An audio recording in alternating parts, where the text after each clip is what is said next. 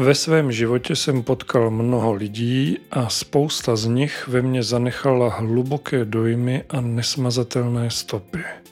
Někteří z nich mě obohatili tak úžasným způsobem, že jim to jednoduše nemůžu nikdy zapomenout. Mnohdy v úvozovkách jenom tím, že jsou. Často děkuji Bohu za to, že mě postavil do cesty a umožnil mi poznat je. Byli to muži i ženy, mladí i staří, hluboce věřící, ale i ti, kdo o sobě tvrdili, že v Boha nevěří. A přitom jsem u mnoha z nich zřetelně viděl čistou víru, přestože oni sami tvrdili opak. Co s tím vším má společného Jakubův žebřík? Vše se dozvíte v této epizodě podcastu Biblická jména a úsloví, u jejíž poslechu vás vítá Petr Lindner.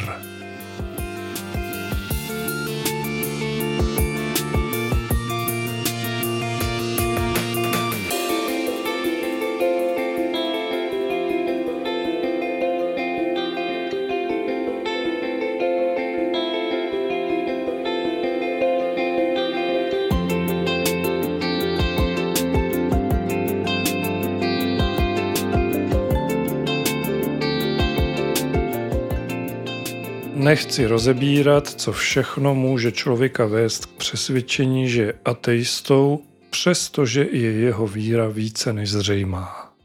Co brání lidem k přijetí vlastní spirituality? Proč si nechtějí přiznat, že věří? Důvodů může být tolik, že by to vystačilo na několik samostatných dílů tohoto podcastu a stejně bychom se pravděpodobně nedobrali nějakého rozumného vysvětlení. Zároveň bych si však nedovolil ani dát uspokojivou, natož pak řekněme univerzální odpověď na to, jak a kde hledat Boha ve 21. století, vrchovatě naplněném veškerou možnou, jen ne, promiňte mi ten výraz, duchovní zábavou. Přesto se v tomto dílu pokusím alespoň vykolíkovat možnou cestu, jak si alespoň uvědomit Boží přítomnost a zamyslet se nad některými dalšími skutečnostmi. Jako úvodní biblický příklad nám poslouží sen o žebříku do nebe, který se zdál třetímu praotci izraelského národa Jákobovi. Jákob a jeho dvojče Ezau byli syny Izáka, jehož otcem byl Abraham, čili samá úctyhodná jména biblické historie – O Jákobově, potažmo pak Ezauově narození jsem mluvil v epizodě tohoto podcastu s názvem Jakub nejoblíbenější z mužů, kde jsem mimo jiné citoval verše z 25. kapitoly knihy Genesis, v níž se píše o jejich narození. Ve 25. a 26. verši se dozvídáme. Ten, který vyšel první, byl celý zrzavý jako plášť z kožešiny – a tak mu dali jméno Ezau chlupáč. Za ním pak vyšel jeho bratr a rukou držel Ezaua za patu. Dostal tedy jméno Jákob, to jest bude v patách.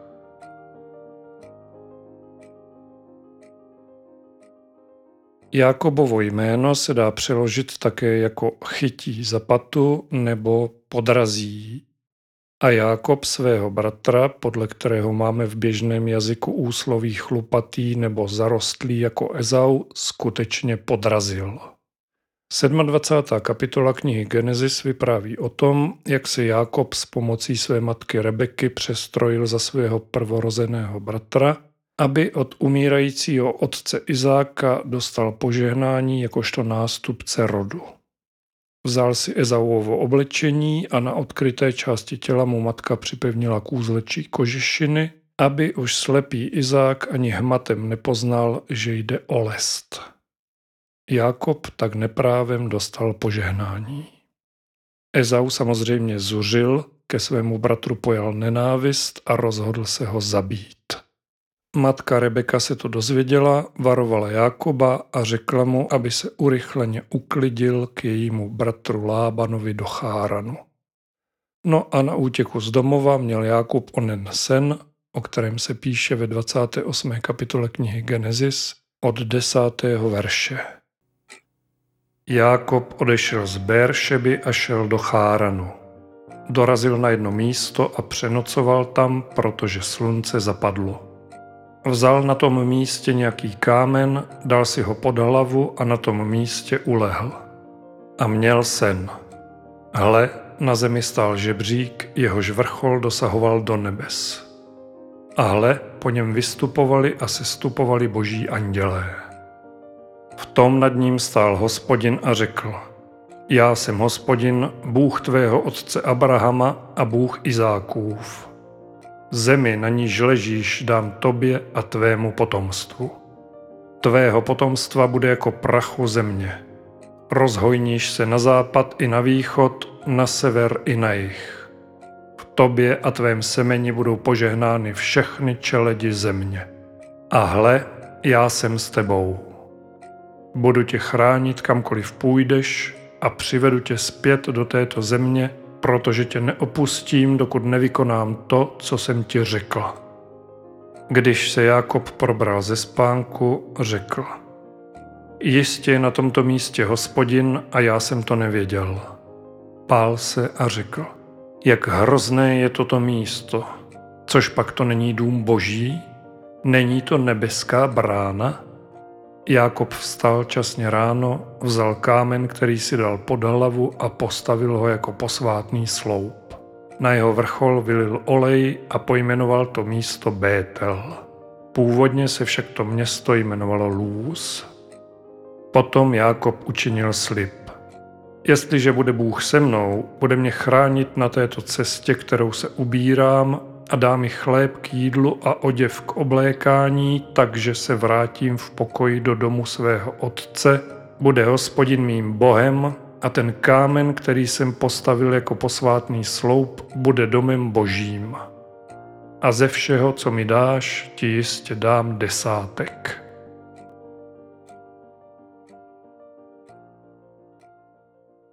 Jak se dozvídáme z citace, Jákob je svým snem překvapený. Dokonce říká, jak hrozné je toto místo, což pak to není dům boží, není to nebeská brána. Jako by se ocitl v nějakém sci-fi filmu. Přitom od starozákonního patriarchy bychom čekali, že ho boží přítomnost nijak neudiví. No dobře, Jákob byl v té době ještě mladý, neskušený, evidentně do té doby až příliš zaujatý sám sebou a svými problémy a tak nějak ho nejspíš nenapadlo je s Bohem sdílet. Dost možná se za ně a za sebe také styděl. Přiznám se, že mně osobně se nelíbí ani poslední tři verše, kde Jákob dělá s Pánem Bohem tak trochu výměný obchod. Jestliže bude Bůh se mnou, bude mě chránit a tak dále, bude hospodin mým Bohem a ze všeho, co mi dáš, ti jistě dám desátek. Co když ho Bůh chránit nebude? Nedá mu chléb a oděv a on se nevrátí do domu svého otce. Bude dál hospodin jeho bohem a bude mu Jákob dávat desátek? No, dost planých spekulací, pojďme dál k důležitějším souvislostem. Onen Jákobův žebřík, po kterém vstupují a vstupují andělé, jak staročeštinou 17. století praví Bible Kralická, je totiž krásným obrazem propojení země s nebem, parabolou permanentní přítomnosti Boha nejen v nebi, nýbrž i zde na zemi. Bosý karmelitán, doktor filozofie žijící v karmelitánském klášteře ve Švédsku, Wilfrid Stinisen ve své knize s názvem Otče odevzdávám se ti, mimo jiné píše –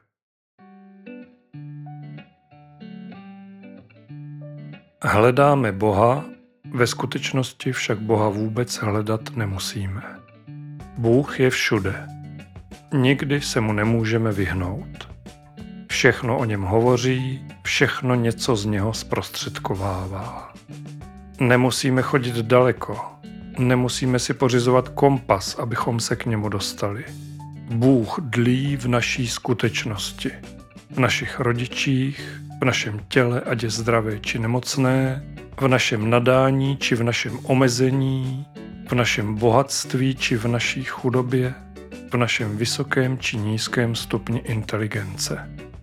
Jakmile přestaneme proti tomuto všemu bojovat, jakmile se otevřeme této skutečnosti, která je boží skutečností a přijmeme ji, pak žijeme v božím království.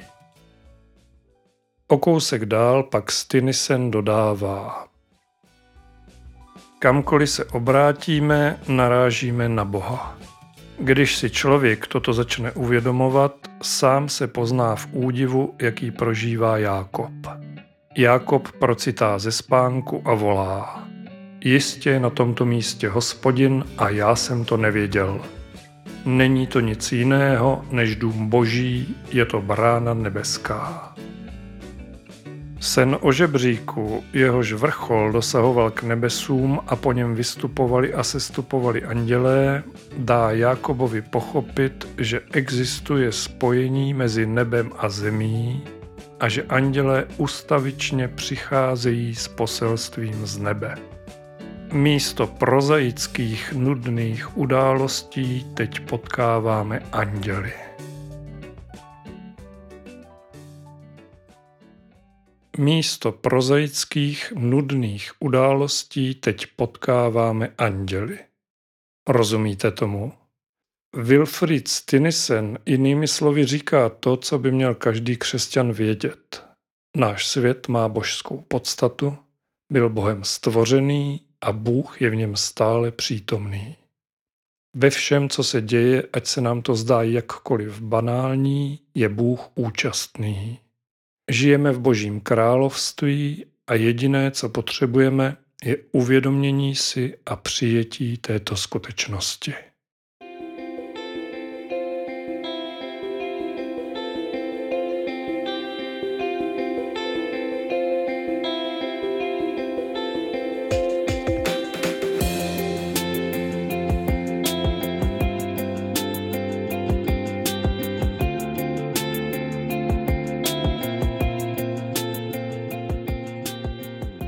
Na konci předchozí části jsem řekl slova, co by měl každý křesťan vědět.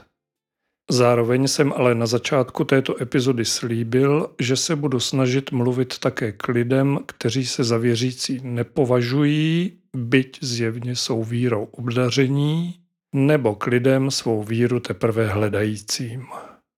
Uvědomuji si, že jsem si to trochu zavařil, ale jdu do toho. Jsem přesvědčený, že neli každý, tak velká většina lidí je ochotná v podstatě rozumově uznat, že existuje něco vyššího, než jsme my. Něco, co nás přesahuje, a to tak, že ve všech ohledech. Říkal jsem to už v dílu slovo nakrátko bláznovství pro Krista. Lidé věří k nějaké energii, vesmíru, vyšší moci. Lidé věří. Můj oblíbený verš 11.1 z knihy Židům, jakási definice víry říká Víra jest podstata věcí, v něž doufáme, důkaz skutečností, které nevidíme. Každý nebo skoro každý věří v něco, co si nemůže exaktně ani empiricky ověřit, na co si nemůže sáhnout. A to už je pouze krůček k tomu si svou víru, ano, víru, tak říkajíc personalizovat. Proč by to nemohl být právě křesťanský Bůh? Osobní Bůh v podobě Ježíše Krista. Protože jsou vám protivné křesťanské církevní liturgie, ale kdeže? Pán Bůh nikoho do kostela chodit nenutí, v Bibli se o tom nic nepíše. Bůh má sídlit především ve vašem srdci. Až pak se můžete rozhodovat, jestli jít do chrámu. Tak proč tedy?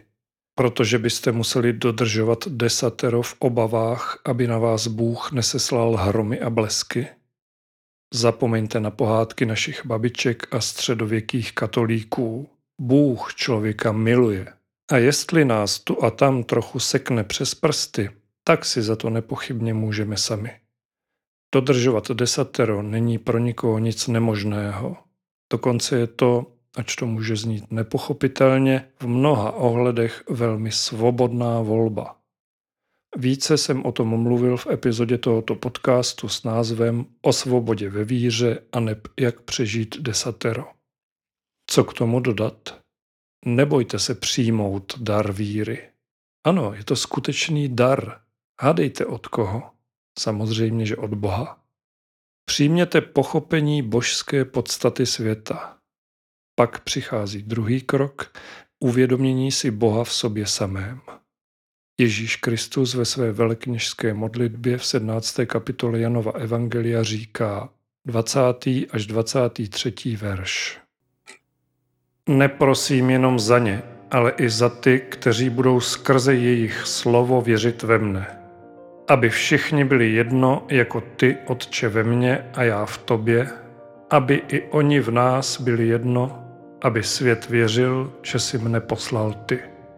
Slávu, kterou si mi dal, jsem dal jim, aby byli jedno, jako my jsme jedno, já v nich a ty ve mně, aby byli přivedeni k dokonalé jednotě a aby svět poznával, že si mne poslal ty a že je miluješ tak, jako miluješ mne.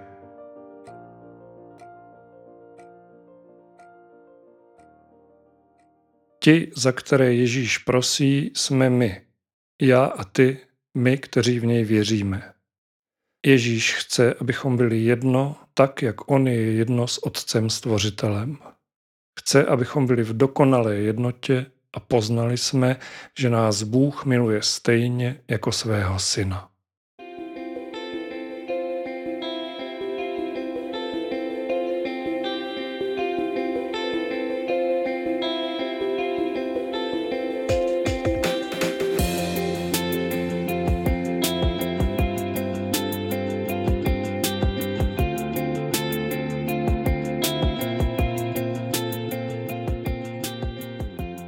Na začátku tohoto dílu podcastu Biblická jména a úsloví jsem řekl, že pustit Boha do svého života v 21. století vrchovatě naplněném veškerou možnou zábavou, jen ne spiritualitou, nemusí být jednoduché a navíc mnohdy není ani, nebojím se říct, žádoucí. Existuje k tomu zásadní, byť tedy iracionální důvod, Člověk chce být svobodný. Proč si připouštět někoho, kdo mě bude pořád hlídat, dohlížet na mě, kontrolovat každý můj krok? Co je na tom iracionálního? Ale no tak, před chvílí jsem mluvil o svobodě ve víře. Ale asi to bylo málo. Tak tedy přidám ještě další slova z knihy Wilfrida Stinisena Otče odevzdávám se ti. Poslouchejte několik vybraných věc z kapitoly Pravá svoboda.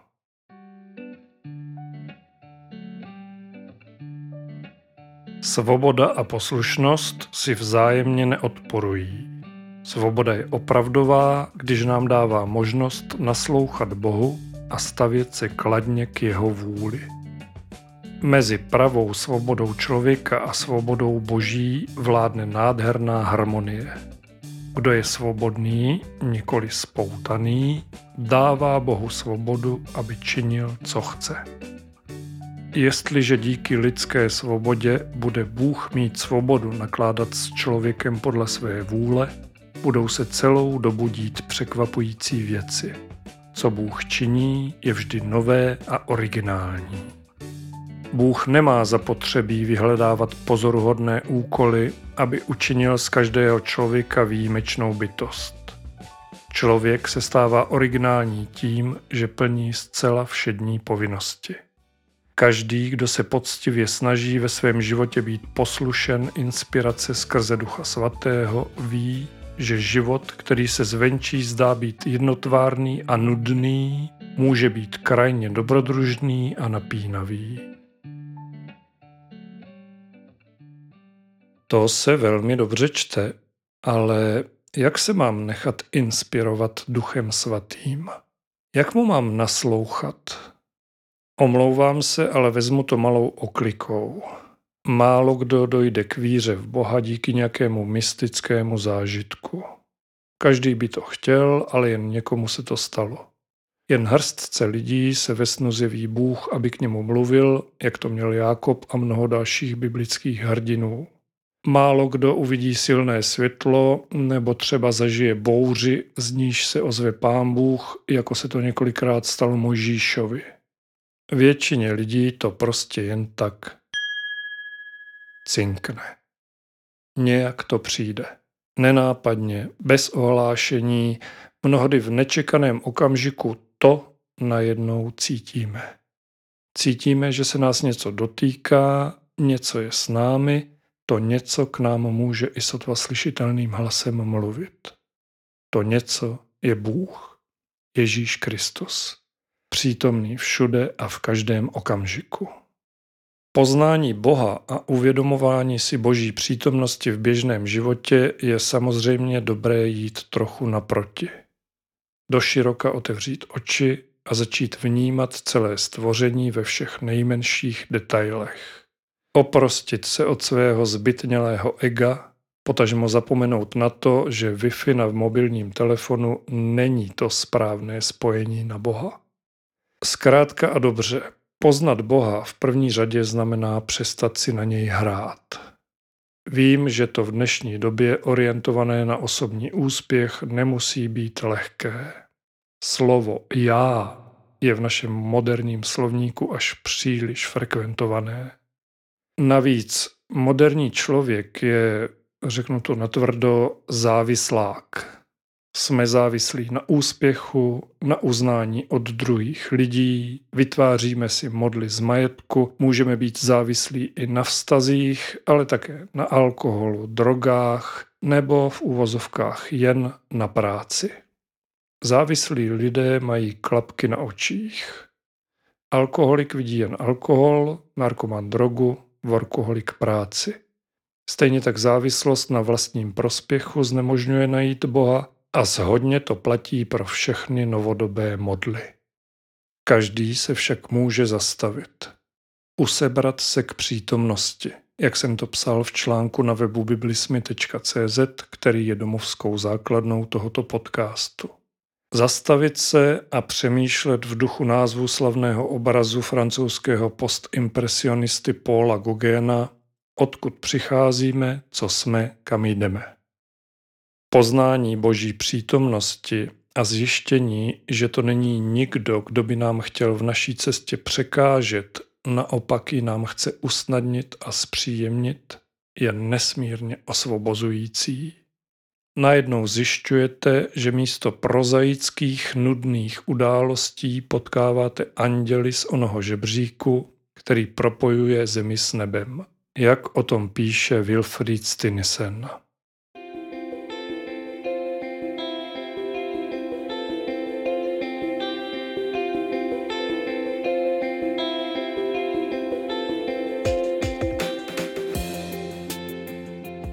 Jakobův žebřík není jen příběh o snu starozákonního patriarchy. Svůj žebřík do nebe má každý z nás. A co víc, onen žebřík není jednosměrka. Nevede jen ze země do nebe nebo pouze z nebe na zemi. Boží andělé po něm nosí své vzkazy oběma směry. Naše přání, prozby, ale třeba i výkřiky zoufalství posílají k Pánu Bohu, aby se od něj vraceli odpovědi milost a požehnání. Karmelitán Vojtěch Kodet má krásné přirovnání Jakubova žebříku k modlitbě. Říká, modlitba je Jakubův žebřík, po němž lidský duch stoupá k Bohu a boží milost se stupuje k lidem.